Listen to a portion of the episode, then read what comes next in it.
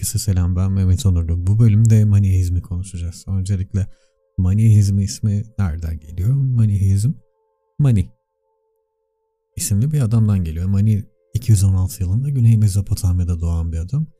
Ailesinin heterodoks Hristiyan mezhebi El bağlı olması için yetiştiği ortam ve Maniheizm'de Hristiyan unsurlarının kaynağı hakkında bir fikir veriyor bize. Ee, bu Mani'ye 12 yaşındayken bir melek görünüyor kaynaklara göre. 24 yaşına geldiğinde de bu melek Tavm ismini vermiş bu mele. Ee, bu melekten aldığı öğretiler doğrultusunda da kendi inanç sistemini yaymaya başlıyor ve hatta Sasani kralı 1. Şapur zamanında da Mani'ye müsamaha falan gösteriliyor. Ee, lakin ilerleyen zamanlarda böyle olmuyor. Kral 1. Behram'ın son günlerine kadar süren bu olumlu hava İmparatorluğun Mecusi başrahibi Carter'in öncülüğünde Maniyeistlere karşı yoğun bir sindirme kampanyası başlatılıyor. İran'dan bahsediyoruz bu arada.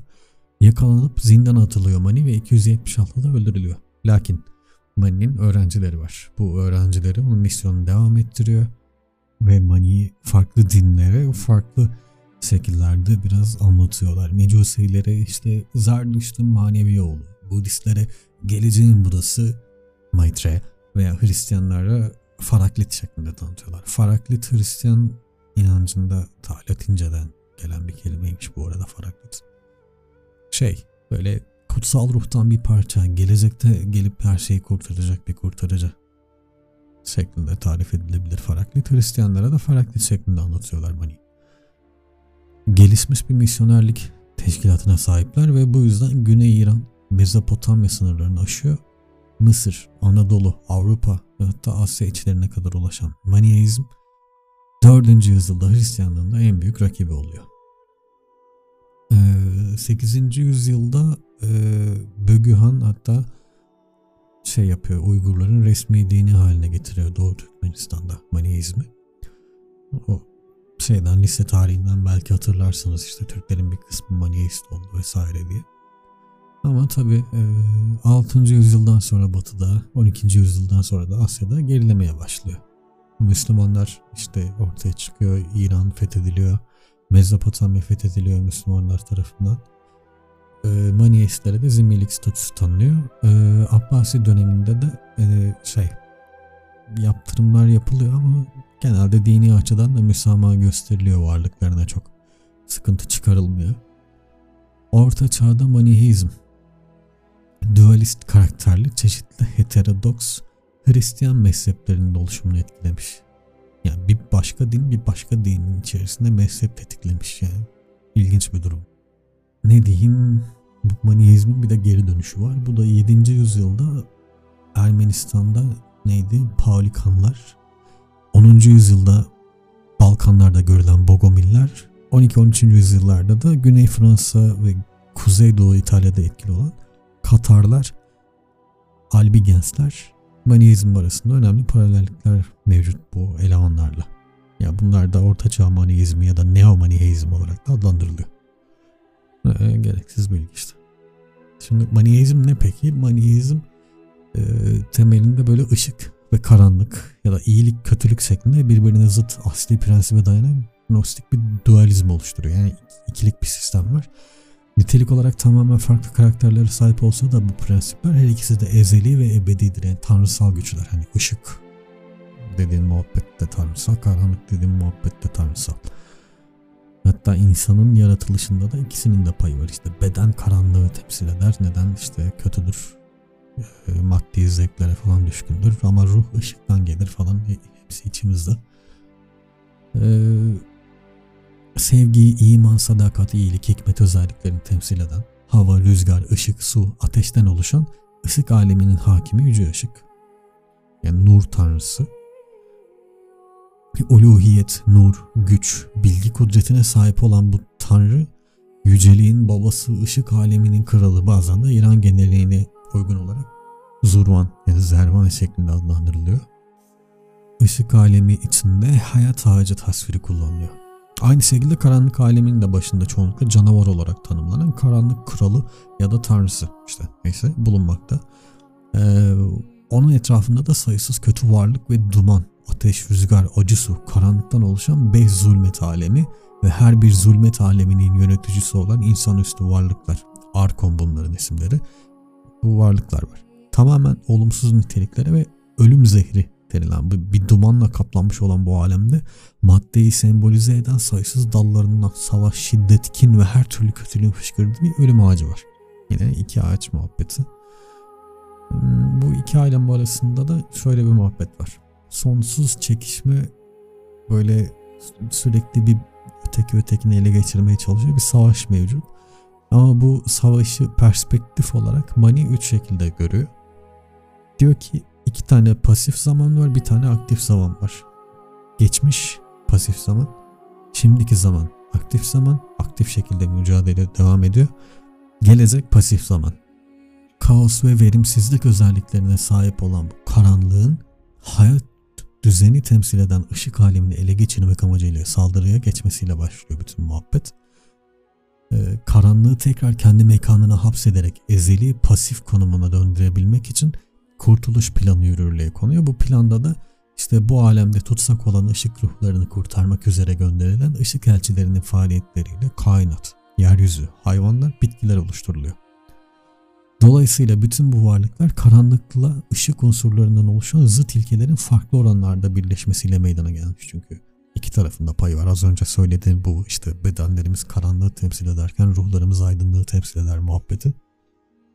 Ee, Maniheizmde de insan tabii yaratıcısı tanrı değil, kötülük güçleridir aslında. Böyle insanda diğer varlıklarda olduğu gibi hem ışık unsuru hem kötülük unsuru bulunuyor. Dediğimiz muhabbet. Ee, ışık tanrısı insana kurtuluşun yolunu öğretmek üzere muhteşem İsa'yı gönderiyor. Yine Hristiyanlığa atfı var. Tamamen reddetmiyor anladığım kadarıyla bu muhabbette. Ondan kurtarıcı ilahi bilgiyi alan Adem kendi mahiyeti ve ilahi alemle ilgili hakikati kavramak suretiyle kurtuluşu hak etmiş oluyor. Şimdi bu arada Adem kendisini bu aleme bağlayacağı için daha az ışık parçacıkları taşıyan hava ile cinsel ilişkide bulunmaması konusunda da İsa tarafından uyarılıyor hayda. Ve başlangıçta da buna riayet ediyor. Bunun üzerine hava babası kötü Arkon'la birleşir ve Kabil doğar. Ay. Kötüymüş lan. Maniyizm biti. Ardından Kabil de birleşir ve Habil doğar. Hayda. Bu uygunsuz birleşmeler birbirini takip eder. Daha sonra bir Arkon, hatta ismi Sindid, Havva'ya Adem'i sihirle nasıl kandıracağını öğretir ve onun da birleşmesini sağlar. Bu birleşmeden de Adem'in gerçek oğlu ve Gnostiklerin atası olarak kabul edilen Şit doğar. Adem Şit'e hakikati öğretir. Bu arada Sindit, Adem'le Sindit az önceki Arkon Adem'le tekrar birleşmesi için Havva'yı kışkırtır. Adem yine aldanmak üzereyken Şit babasını ikaz eder ve onu kendisiyle birlikte doğuya, ışık alemine gelmeye davet eder. Böylece öldükten sonra Adem ve onun nesli ışık alemine yükselir. Havva ve nesli cehenneme gider. Yine bütün kötülüğü kadının üstüne yıkmışlar. Şimdi bu şekilde kötü beden içerisindeki ışık alemine olan ruhun hapishane hayatı yaşadığı insanlık üremeye ve çoğalmaya başlar.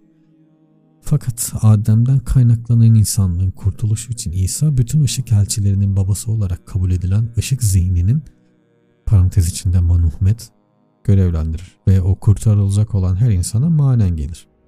Kurtuluşu hak etmeyen, dolayısıyla ışık zihni tarafından uyarılmamış olan ruh ise kurtuluşu hak edene ya da son hesap gününe kadar yeryüzünde tekrar tekrar doğar.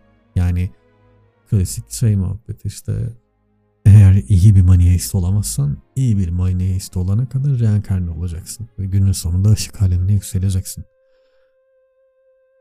Muhabbet. Yani aslında biraz düşününce ne kadar tırt olduğunu görüyorsun. Şey falan yapıyor hatta iyi bir maniyeist değilsen evlenmemelisin falan. Çünkü seni ürememen lazım. Ya bazen ben de diyorum bazı insanların gerçekten ürememesi lazım ama bu kadar radikal olmaya gerek yok. Neyse maniyestler çeşitli zamanlarda ışık elçilerinin insanlara kurtuluş yolunu öğretmek üzere yeryüzünde yaşadıklarına ve Mani'nin bu elçilerin sonuncusu olduğuna inanırlar. Dolayısıyla Zerdüşt, Buda ve İsa gibi şahsiyetlerin insanlara ışık yolunu tebliğ eden ve Mani'nin gelişine zemin hazırlayan elçiler olduğuna inanır. Mani'nin ardından başka bir elçi gelmeyecek. Ancak yalancı elçiler zuhur edecektir. Mani yeryüzünden ayrıldıktan sonra doğrudan ışık alemine gitmemiştir. Yükselişteki ilk durak olan ayda yeryüzündeki son ışık nüvesinin de kurtuluşuna kadar beklemekte ve oradan ruhlara yol göstermeyi sürdürmektedir. Maniheizme göre beden hapishanesinden kurtulan ruh önce Samanyolu'nu izleyerek Ay'a yükselir. Ay'a gitmek için Samanyolu'ndan geçmene gerek yok aslında ama bir müddet burada ikamet edip güneşe geçer. Yani uzun bir yolculuk yapıyor. Değil? Bir görüp geliyor böyle bir bütün galaksiyi. Bir müddet burada kaldıktan sonra da ışık alemindeki dünyalara Aeon Zion gibi ve Aeon'a yükselir. Şimdi Mani'ye göre ruhların ışık alemine yükselmesine paralel olarak dünyada zulüm ve şiddet artacak, kötülük çoğalacaktır. Ahir zamanda yalancı peygamberler zuhur edecek ve yalancı Misra yani Deccal ortaya çıkıp insanları saptırmaya çalışacaktır. Son ışık parçasının da kurtuluşunun yakın olduğu bir dönemde dünyanın sonunun yaklaştığının habercisi olan büyük bir savaş çıkacak. Ardından dünyaya yalnızca günah ve kavga hakim olacaktır. Yüzüklerin Efendisi'nde bu kadar kurgu yok bu arada ya neyse. Daha sonra ışık elçisi İsa Mesih ikinci defa yeryüzüne gelecek ve insanları yargılamaya başlayacaktır. O ana kadar henüz sufli yeryüzünden ayrılmamış olan maniyeistler ona katılarak sağ tarafına oturacak ve meleklere dönüştürüleceklerdir. Onun solunda yer alan günahkarlar ise cehenneme atılacaktır. Ardından şey muhabbeti de çok ilginç. İşte ışığın iyi görülmesi, karanlığın kötü görülmesi ya da beyazın iyi olması, siyahın kötü olması, erkeğin iyi olması, kadının kötü olması, sağın iyi olması, solun kötü olması. Sadece söylüyorum.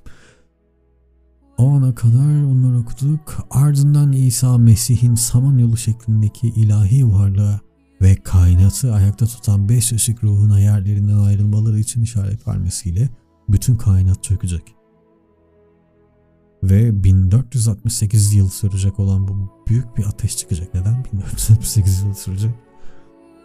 Yani, salla 2 milyon be.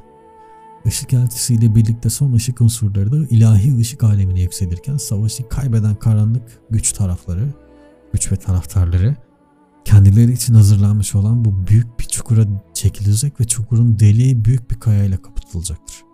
Böylece iyilikle kötülük arasındaki aktif mücadele dönemi tamamlanmış olacak ve geçmişte ışık ve karanlığın birbirinden ayrı olarak varlıklarını sürdü, sürdürdükleri asli konuma tekrar dönülmüş olacak. İlginç. Hala yüzüğü atmadılar ben onu bekliyorum. Neyse bu bölüm bu kadar. Hani izim hakkında eğer ki bir şey merak ederseniz açın internetten bakın burada uzun uzun araştırmış adamlar yazmışlar yazık. İslamasiklebeti.org okuyabilirsiniz. Yani çok istiyorsanız bana da sorabilirsiniz. Neydi köşeli masa bir Instagram hesabı açtım bir tane oradan. Bir iki şey yazarsanız ben de bakarım. Eğer ilgimi çeken bir şey olursa podcast'te de bahsederim. Ee, sonraki bölümlerde de böyle Taoizm'de, Hinduizm'de böyle teker teker bir giriş yapmak istiyorum. Ama tabii şimdi kalkıp İslam, Hristiyanlık, Yahudilik gibi büyük içinde olduğumuz konuları da tek bölümde bitiremem. O yüzden onları böyle mezhep mezhep şeklinde bölümlere ayıracağım. İşte bir gün İslam mezhebi, öbürsü gün Hristiyan mezhebi böyle tek tek bakacağız. Nasıl çıkmış, kaynaklarda ne yazıyor, bugünkü insanlar ne düşünüyor bu konuda. Buna inanıyorlar mı, inanmıyorlar mı? Çünkü her zaman malum her şeye inanılmıyor ya da inanıveriyorlar garip şekillerde. Kendinize cici bakıyorsunuz. Ben kaçar. Bye.